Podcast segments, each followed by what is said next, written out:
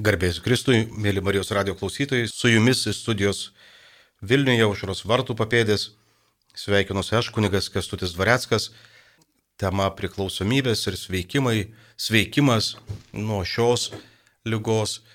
Taigi karantino metu, e, kai visi mes iš naujo suvokiam e, žmogaus trapumą e, ir lygų nešančią tą jėgą, esam kviečiami žvelgti Dievą kaip tą, e, kuris gydo, kaip tą, kuris trokšta mūsų širdžių sveikatos, išimsiu akmeninę širdį, duosiu kūninę, galvų sveikatos, kad būtų jo žodžiai mūsų mintise, o ne, ne mirties visokios bacilus. E, tradiciškai aš šituose laidose kalbu apie priklausomybės temą, kurią šiek tiek praskleidžiam. Šiuo metu patiems priklausomiem tikrai irgi nelengvas metas, mm, ypač e, jeigu nutolstama nuo dievų, jeigu sumažėja pasitikėjimas dievu kaip tuo, kuris veda ir praveda pro visus tarpeklius, pro visus slėnius į tą prisikelimo rytą. Jeigu nerimas ima viršų, tuomet natūraliai žmogus ieško nusiraminimo ne ten, mm, kur verta žmogaus, netikro, o kvaitulio, netikro, mm, o iliuzinio.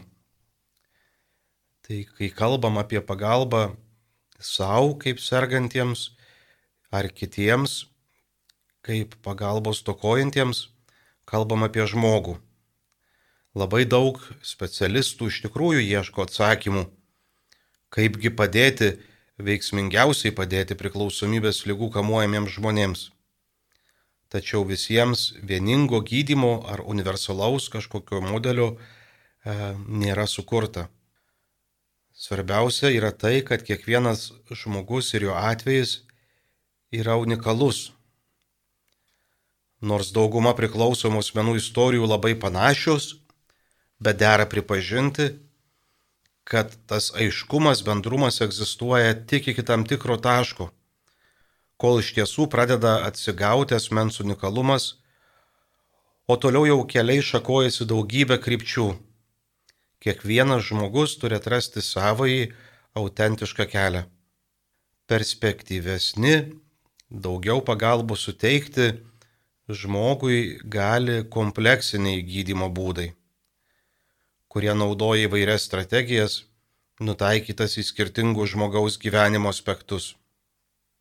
Kompleksinė strategija e, tikrai skiriasi nuo vienmatės, kuri koncentruojasi į vieną, į kurį nors vieną žmogaus būties aspektą - kūną, psichiką, dvasinį gyvenimą ar socialium, ar sociumą. Kompleksinė pagalba reiškia siekti pokyčių įvairiose žmogaus būties aspektuose. Žinoma, kompleksinė ir mūsų šalyje nėra tokia populiari ir dėl to, kad reikalauja daug daugiau laiko, resursų ir remiasi holistinės pensampratą. Dažniausiai žmonės kimba ieškodami stebuklingų išeičių, greitų išeičių, nors dažniausiai ir susirgam nuo to greitų išeičių ieškojimų, kai į tikrus poreikius atliepiam falšų, bet net ir apie sveikimą kalbant dažnas nenorim e, sveikti, e, priimant atsakomybę už save ir gyvenimą, nenorim sveikti tuo lietu, siaurų keliu, apie kurį Jėzus Evangelijoje kalba, kad siauras kelias į gyvenimą, o platus, greitas, greitkelis į pražūtį. Taigi tikriausiai daugelio žmonių svajonė atrasti veiksmingą tabletę, kuri ištribdytų priklausomybę ar kitas ligas. Vien per pastaruosius keliasdešimt metų jau nekart buvo paskelbta apie sensingą atradimą. Apie kokį nors vaistą, kuris gali ne tik padėti priklausomam žmogui, bet gal net jį išgydyti. Tačiau tiesa yra ta, kad visi iki šiol sukurti vaistai sukrovė nemažus turtus jų gamintojams, tačiau neišbraukė priklausomybių lygos iš sunkių ir daug mirčių sukeliančių lygų sąrašo. neturėtumėm žinoma nuvertinti pagalbinės vaistų funkcijos. Pavyzdžiui, yra vaistai, kurie palengvina detoksikaciją, kurie padeda ištversti abstinencijos kančią. Kitas dalykas - aktyvios priklausomybės laikotarpis paprastai labai nualina žmogų į organizmą ir visa tai gali padėti atstatyti pasiligojusių organų veiklą. Priklausomybė be kita ko yra bėgimas nuo skausmo, problemų ir svarbu, kad sveikimo kelionėje priklausomas žmogus išmoktų ištverti skausmingas ar trikdančias patirtis, nepabėgdamas į vaistų prieglopstį. Sunku vadinti sveikimu vienos priklausomybės, pavyzdžiui, nuo alkoholio pakeitimu kita, nuo vaistų, nuskausminamųjų ar neuroleptikų. Kalbant apie farmakologinę pagalbą priklausomybę sergančiam žmogui, paprastai taikomasi į vieną iš keturių problemų. Tai pagalba iškest abstinencija, pagirių sindromo gydimas, kaifo gadinimas ir depresijos ar kitų mąstymo belgesio sutrikimų, kurie sukėlė priklausomybę gydimas. Pagalba iškest abstinencija tai kai organizmas atkakliai reikalauja naujos dozės. Pagirių sindromas tai gali būti tiek nuodų pašalinimas iš organizmo, pagerinant savijautą po išgertuvių tiek pagalba ištikus atkryčiui, mažinant irzlumą bei nemalonius fizinius potyrius. Kaifo gadinimas, pavyzdžiui, vieni iš pirmųjų vaistų, kurie jų kuriejų teigimu turėjo pribaigti priklausomybių lygas, buvo disulfuramas, pasaulyje įvestas 1951 metais. Šis vaistas keičia organizmo reakciją į alkoholį, kad jis nebeteiktų tų privalumų, kurie skatino prisirišimą. Vėliau atsirado patobulintų šio medikamento versijų ir jos vartojimos iki šiandien. Vaistai gali padėti priklausomam žmogui, nors tikrai nereikėtų jas piknaudžiauti ir yra nemažai specialistų, kurie labai atsargiai vertina medicamentinį priklausomybių lygų gydimą, nes jis dažniausiai turi pernelyg daug panašumų į tai, nuo ko siekiama pagelbėti. Tačiau vaistai negali būti pakankama ir vienintelė pagalbos priemonė. Mintis, kad galima išgerti piliulę ir susigražinti gyvenimo kontrolę ar net galimybę saikingai vartoti kvaišalus, nebijotinai labai gundo priklausomus žmonės. Tačiau esmė ta, kad vaistai gali padėti kovoti su simptomais, bet ne su priklausomybės priežastimis. Jau minėjau, kad abstinencija tai yra sveikimo pradžios taškas, o ne finišo linija. Žemas startas, o ne finišas, kad jau negeriu ir galiu tuo didžiuotis ir jau sveikas. Nevartojimas tik sąlygas veikimui. Farmakologinė pagalbos strategija gali būti veiksminga tik tuo met, jei priklausomas žmogus sugebės pats išmokti naujų elgesio modelių, ugdys emocinį raštingumą ir taip toliau. Kitu atveju, tai bus tiesiog pleistras ant labai gilios puliuojančios žaizdos, kuris kuriam laikui žinoma, kad gali uždengti nemalonų vaizdą, bet po juo esanči žaizda negyja, o puliai kaupėsi. Medikamentinis priklausomybių gydimas susitelkia ties dirgikliais, kurie užsuka vartojimo ratą, tačiau neturi realių galimybių trikdyti priklausomybių priežastis. Kita vienmatė strategija ieško būdų, kaip pakeisti priklausomos mens mąstymą, nes tai esą veiksmingiausias būdas naikinti savidestruktyvius elgesio modelius. Psichoterapija ilgą laiką mm, turėjo pripažinti, kad negali deramai pagelbėti priklausomiems žmonėms. 21 amžiaus pradžioje psichoterapeutai buvo įsitikinę, kad reikia atrasti gelminės priežastis, dėl kurių žmogus pradėjo vartoti alkoholį ir narkotikus, ir tada jau žmogui neliks jokio pagrindo laikytis įsikibusi lyga. Tačiau teko pripažinti, patirti, kad priklausomybė, aktyvus vartojimas yra patologiškas, nuolat kuriantis naujas problemas. Galbūt kažkada gaisras ir kilo dėl neatsargiai uždegto degtuko, tačiau absurdiška manyti, kad šiandien pakanka užpūksti tą degtuką ir gaisras užges. Priklausomybių atveju privalom pripažinti, kad turim reikalą su įsisiautėjusiu gaisru. Tik visiškai jų užgesinus galima bus atstatyti tai, kas sunaikinta, galima bus imtis profilaktinių priemonių, kad to ugnis nesugrįžtų.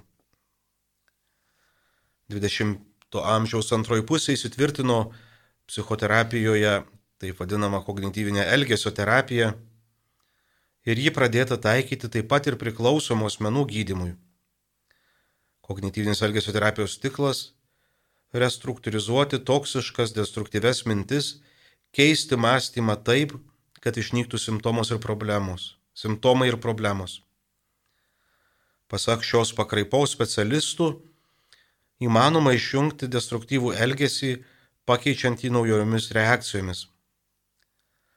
Ket prielaida įsitikinimas, kad mes pasaulį suvokiame ir su kitais žmonėmis bendraujame vadovaudamiesi kognityvinėmis schemomis.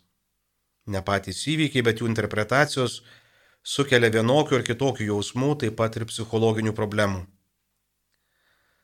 Skeptikų tvirtinimu, padedant priklausomiems žmonėms, kognityvinio elgesio terapija teoriškai atrodo kur kas geriau nei praktikoje. Svarbiausia tuo priežastis, kad kognityvinės elgesio terapijos esmė yra glaudus terapeuto ir kliento bendradarbiavimas. Tačiau kognityvinė elgesio terapija negali sukurti priklausomo žmogaus motivacijos keistis, net jei tai skausminga ir nepatogu. Jei psichoanalitinė terapija koncentruojasi išskirtinai ties problemų ištakomis, tai skirtinis kognityvinis elgesio terapijos bruožas - padarinių šalinimas, nekeliant klausimo, kas juos sukėlė.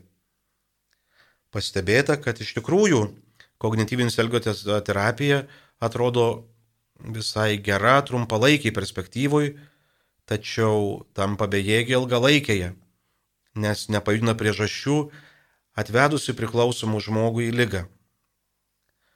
Kalbant metaforiškai, žmogus mokomas, naik, mok, mokomas gesinti gaisrą, tačiau ugniežydinys lieka nepaliestras ir gaisro gesinimas niekuomet nesibaigs. Kita vertus, kognityvinės elgesio terapijos įžvalgos ir metodai plačiai iki šiandien naudojami kompleksinėse pagalbos priklausomim asmenims strategijose kaip viena iš sudėtinio gydimo dalių. Vienas iš daugiausiai klausimų keliančių priklausomo žmogaus mąstymo ir elgesio keistimo būdų taip vadinamas kodavimas. Pradžioje tai buvo streso terapijos metodas, kurį ištobulino vienas sovietinis gydytojas. Jis sukūrė įtaigą grįstą sutrumpintą streso terapijos metodą, taikoma kartu su klasikinės hipnozės seansais ir pavadino kodavimu.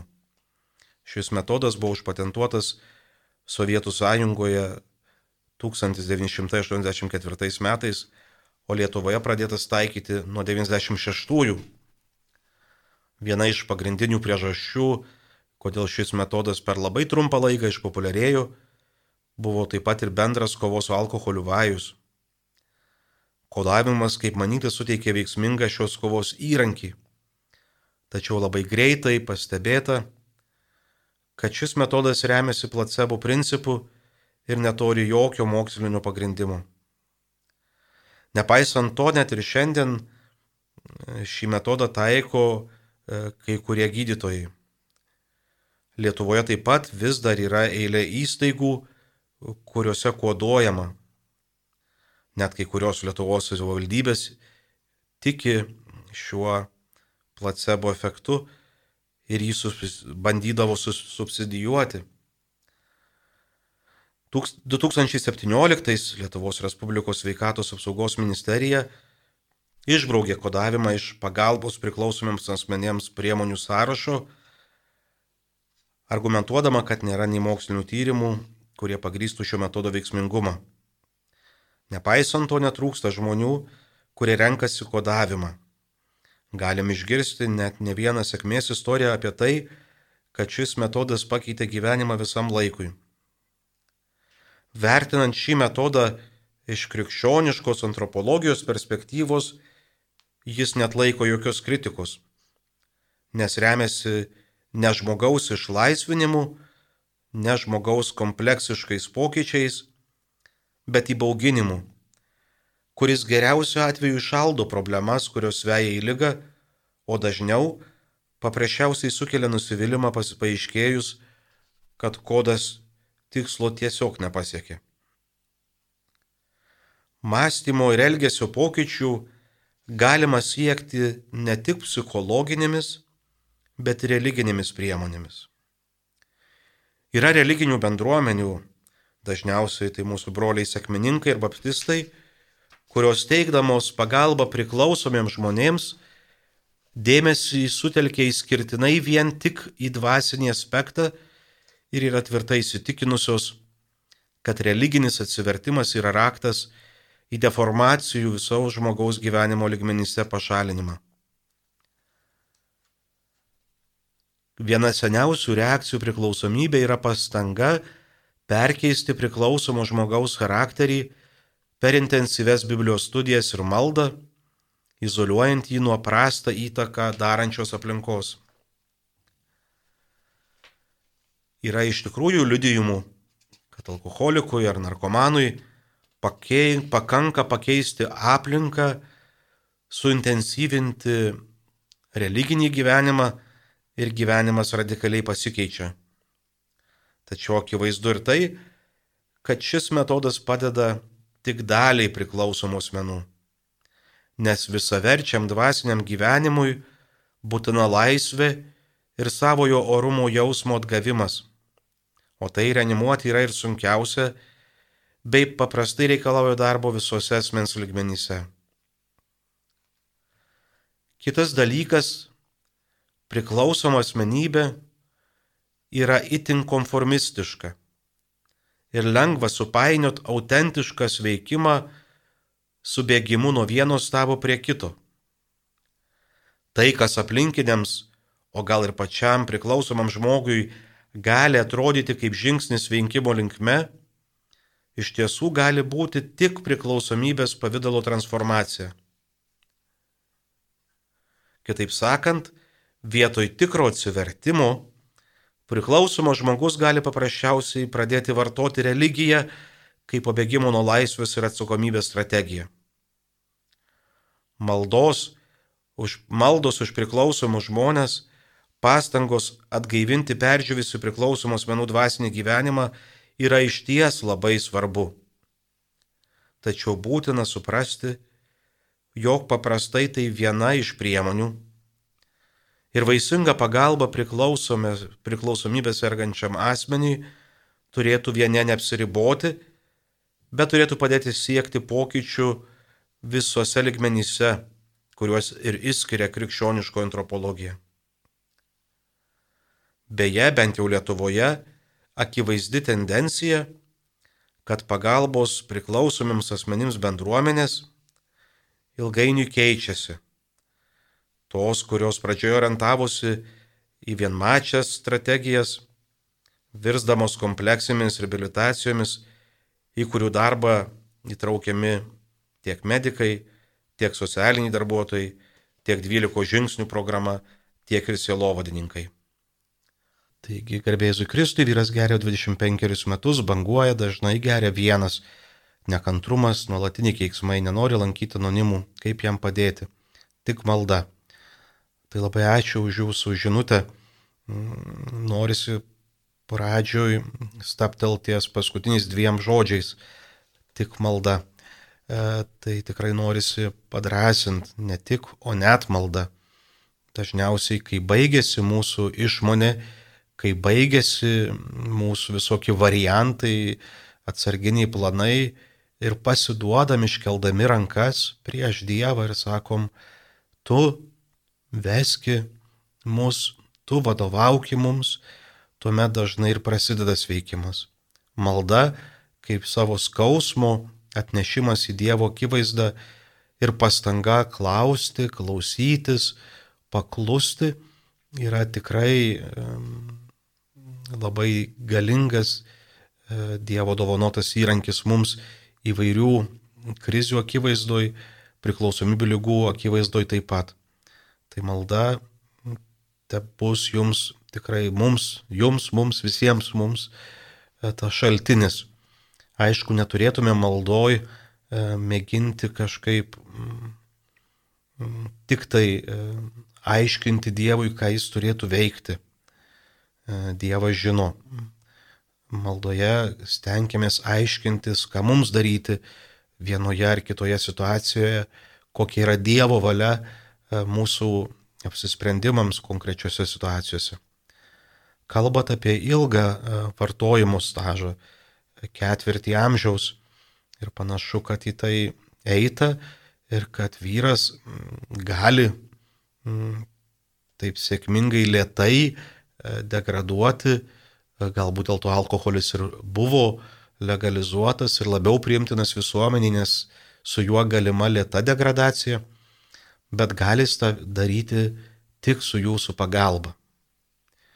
Ir čia yra turbūt skaudžiausia e, priklausomybių atveju dalis. Padėti sirgti ar padėti sveikti. Padaryti bet ką e, iš meilės ir dažnai žmonės daro bet ką, net beprotybės. Ar nedaryti nieko, e, kol nėra iškumo. Žinau, kad beveik girdžiu, kai tą sakau artimųjų priekaištus, jeigu nieko nedarysiu, pražus. Bet iš tikrųjų svarbu leisti priklausomam asmeniui patirti mm, skausmą, patirti jo pasirinkimų greunančią jėgą. Dažnai labai artimieji, mylėdami savo žmogų, mėgina jį apsaugoti nuo pasiekmių, galvodami, kad jos labai traumuos. Ir iš tikrųjų nutinka tuomet toks keistas fenomenas, kad artimiai prašo gerinti, pavyzdžiui, vyrą, kaip šiuo atveju, nusto gerti tai kenkia, kenkia mums kaip šeimai, o jis sako, man tai nekenkia. Ir jis iš savo e, sergančios logikos yra teisus. Jam gerimas netneša tiek pasiekmių, nes jas surenka uh, aplinkiniai ir baigia pražilti. Ką daryti, kaip padėti? Tai pradžioj tikrai melstis, o tada jau dirbti, melstis ir veikti, kaip moko mūsų broliai benediktinai. Labai drąsinu atsiversti taip pat ir mūsų bendruomenės puslapį aš esu bendruomenė.lt ir ten rasit skilti daug dažniausiai užduodami klausimai.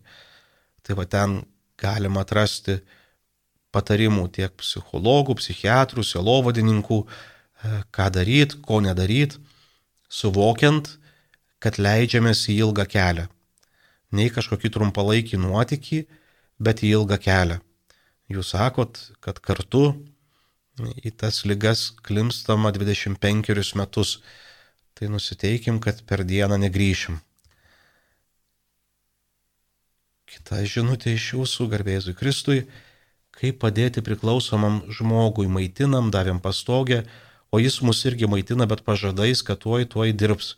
Ir jau keturi metai. Artimieji jau tapom ligoniais. Padedam priklausomybėje, egzistuojam baimėje, prarandam viltį, kaltinam vieni kitus. Koks pirmas žingsnis artimiesiems. Ir ten yra dar padėka ačiū už, už viltį.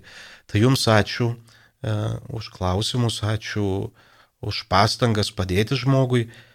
Kartai, žinot, galvoju, e, geriau nuo širdžios klaidos, bandant padėti, e, negu kažkoks nusikalstamas neveiklumas. E, tai man labai viltingai skamba jūsų pripažinimas, kad buvimas su ilgą laiką, ilgą laiką buvimas su sergančiu asmeniu mus pačius sargdina. Kad mes persimam tą lygotą logiką, E, kuri nieko bendro neturi nei su Dievu, nei su gyvenimu. E, tai pagalba priklausomam žmogui gali ir labai dažnai patiriu ir prasideda nuo aplinkinių drąsos padėti savo, ieškoti pagalbos savo, nuo aplinkinių drąsos mm, gyventi sveikiau e, šalia sergančio. Nes dabar būna tikrai kartais keista, kad e, serga žmogus, o mes iš meilės e, bandom sirgti kartu su juo ir galvom, kad tai yra meilė. E, tai mūsų, mano labai gerbiamas gydytojas Alekseičikas, kuris čia neseniai šventė gražų biliejų, už jį pasimelskim, tai sakė, jeigu tavo sveikimo kaina yra ta, kad tu turi manęs nemėgti, tai aš sutinku ją mokėti. Kaip ir Kristus sutinka lipti ant kryžiaus, kad išgelbėtų mus. E, tai tikrai labai drąsinu artimuosius eiti grupelės. Nesam vieni ir vieninteliai e, sprendžiantys panašias problemas. Kur du, kur trys susirenka vardan gyvenimo, ten pats Dievas veikia. E, tai tikrai yra čia Vilniui mūsų bendruomeninė karantino metu veikia grupė, taip pat Alanono toks judėjimas vienintis artimuosius, kur dalindamiesi savo patirtim, džiaugsmais, atradimais, m, tikrai remdamiesi viens į kitą, kad ir mažai žingsneliais, bet judam Velykų link. Tai labai ačiū už Jūsų klausimą, atvirumą ir tikrai drąsinu e, ieškot Alanono ar kitų savipagalbos grupių skirtų taip pat ir artimiesiems ir pradėti mm, sveikimą. E, kitoje žinutėje sulaukiam tokios, garbėsiu Kristui, Dievas viską gali, meldžiau ir prašiau vyro išgydymo ir po 36 metų negeria. Kalėdos buvo be alkoholio, dėkoju Dievui. Iš tikrųjų, išlovė viešpačių jis gali ir nori ir kartais pristabdo mus e, įvairiose mm, lygose, e, taip pat ir mm, per sunkumus.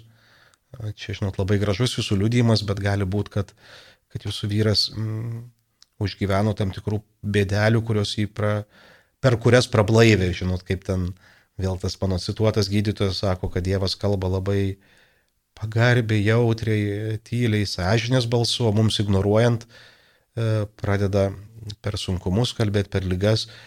Dievas beldžiasi, kol prisibeldžia, sako, belskite ir bus atidaryta. Tai beldžiasi iki mūsų galvų, iki mūsų širdžių, kad atneštų ten savo taiką. Tai tikrai išlovinkim viešpatį už kiekvieną sveikstantį žmogų.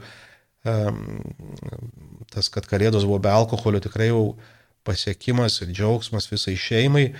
Tik norisi priminti, kad panašiai kaip su nuodėme, nepavyksta vieną kartą ir visiems laikams sakyti, esu kaltas, daugiau taip nedarysiu, bet vis iš naujo stengtis tai priklausomybė griežtąją tą žodžio prasme nėra pagydoma. Tai reiškia, kai tik pagradėsim galvot, kad mes jau čia labai sveiki drūti, e, tai baigsis prastokai. Turim uh, užsikrėsti sveikimu uh, iki, iki pergalės. Uh, sulaukiam kitos žinutės. Noriu atsisakyti priklausomybės vaistams, turiu bipolinio susirgymo diagnozę, keletą kartų mečiau, vis sugrįždavau į ligonę buvau nutolus nuo Dievo, dabar vėl grėžiuosi į jų. Ar malda ir bendradarbiavimas su gydytoju būtų vieninteliai keliai į visišką, kel, keliai į visišką pasveikimą? Labai ačiū už klausimą. Iš tikrųjų, mm, priklausomybė nuo vaistų yra galima, bet čia, žinot, kita, kita medalio pusė.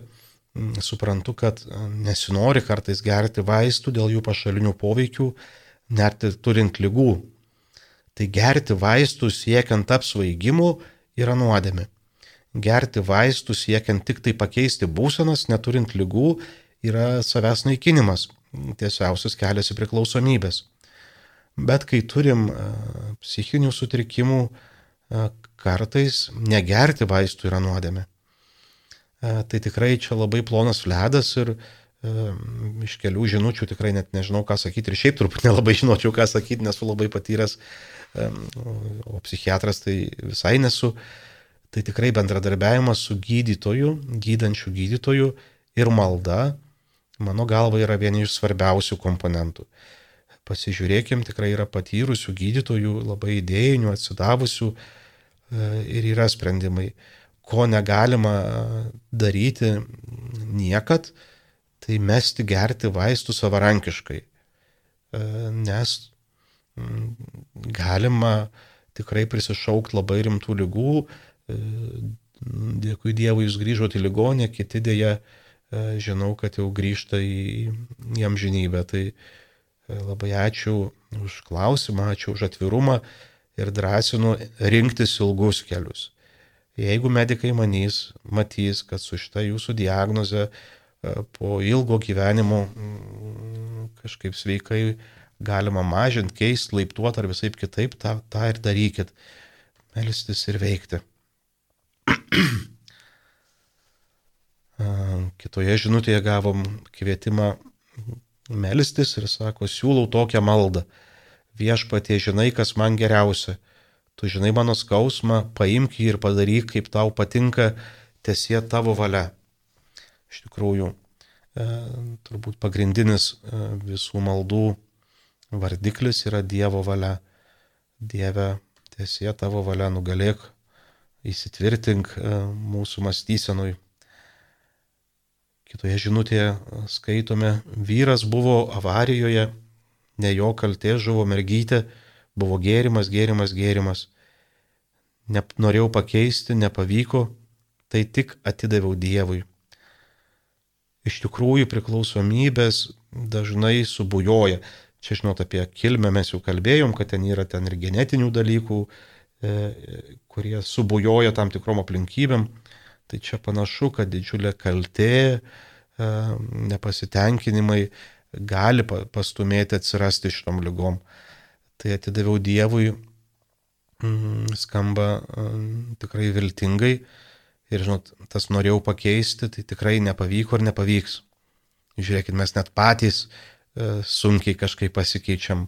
Yra tokia graži gesmė, bažnyčiose mes gėdam e, taisyk ir keisk mane, nes aš, tu kuriejas, aš kūrinys, kad, kad Dieve tik tu gali e, ir aš galiu eisti pokyčių keliu, e, tai negaliu išgelbėti kito, Jėzus yra vienintelis mūsų gelbėtojas, neturėčiau stoti į jo vietą. Oi, čia turbūt kažkas iš mano pažįstamų rašo, garbėsiu Kristui, kaip atsikratyti apsileidimų. Iš tikrųjų, mm, labai platus klausimas ir taip pusiau jokais pasakiau, kad iš pažįstamų, bet tikrai tas apsileidimas tam tikrose dalykuose yra toks, drįščiau sakyti, simptomas. Pavyzdžiui, aš ir pas save patį paskutiniais metais matau nemažai to apsileidimo kažkokių mm, erdvių ir suprantu, kad jos mm, rodo tikrai seklesnį laiką su viešpačiu, rodo kažkokių stresinių situacijų gausą, rodo kaip kažkokia gynybinė organizmo reakcija, kad tik valgyti ir miegot, nes baisu pabudus suvokti, kad nelabai gali ką padaryti, o tik būt su, su verkiančiais, klaus, su klausiančiais ir taip toliau. Tai teoriškai aš jums galiu atsakyti, kaip atsikratyti, dėja, žinot, visi mes neblogi teoretikai.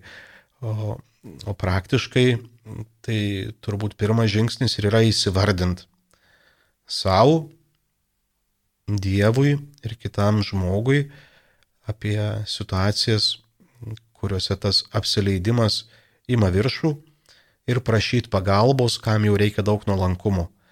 Prašantys gauna.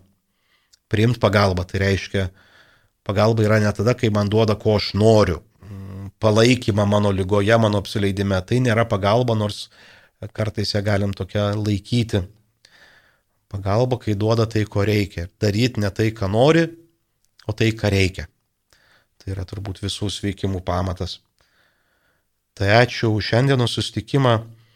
Tikrai visuose sunkumuose, visuose lygose eikim pas Dievą, kalbėkime su viešpačiu ir vieni su kitais ieškokim, kol rasim. Garbė Jėzui Kristui.